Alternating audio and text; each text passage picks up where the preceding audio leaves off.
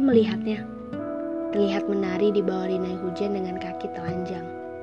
Wajahnya tampak bahagia, berbeda dengan wajah lain yang kesal karena hujan membatasi ruang gerak.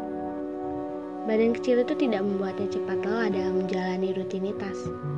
Meski bibirnya tipis memucat, tubuhnya menggigil kedinginan. Bahkan bila tangan kecilnya menjadi keriput sekalipun, dia tidak menyerah.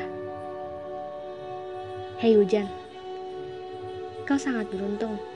Di antara manusia lain di bumi, masih ada yang menyambutmu dengan sukacita. Bukan dengan duka, bukan dengan umpatan, bukan pula dengan rasa kebencian. Keberadaanmu ditunggu selalu. Kau tahu, sosok itu selalu melekat di kepalaku. Karena darinya aku bisa memaknai dirimu dengan cara berbeda. Karena darinya, aku bisa sedikit belajar memaknai hidup.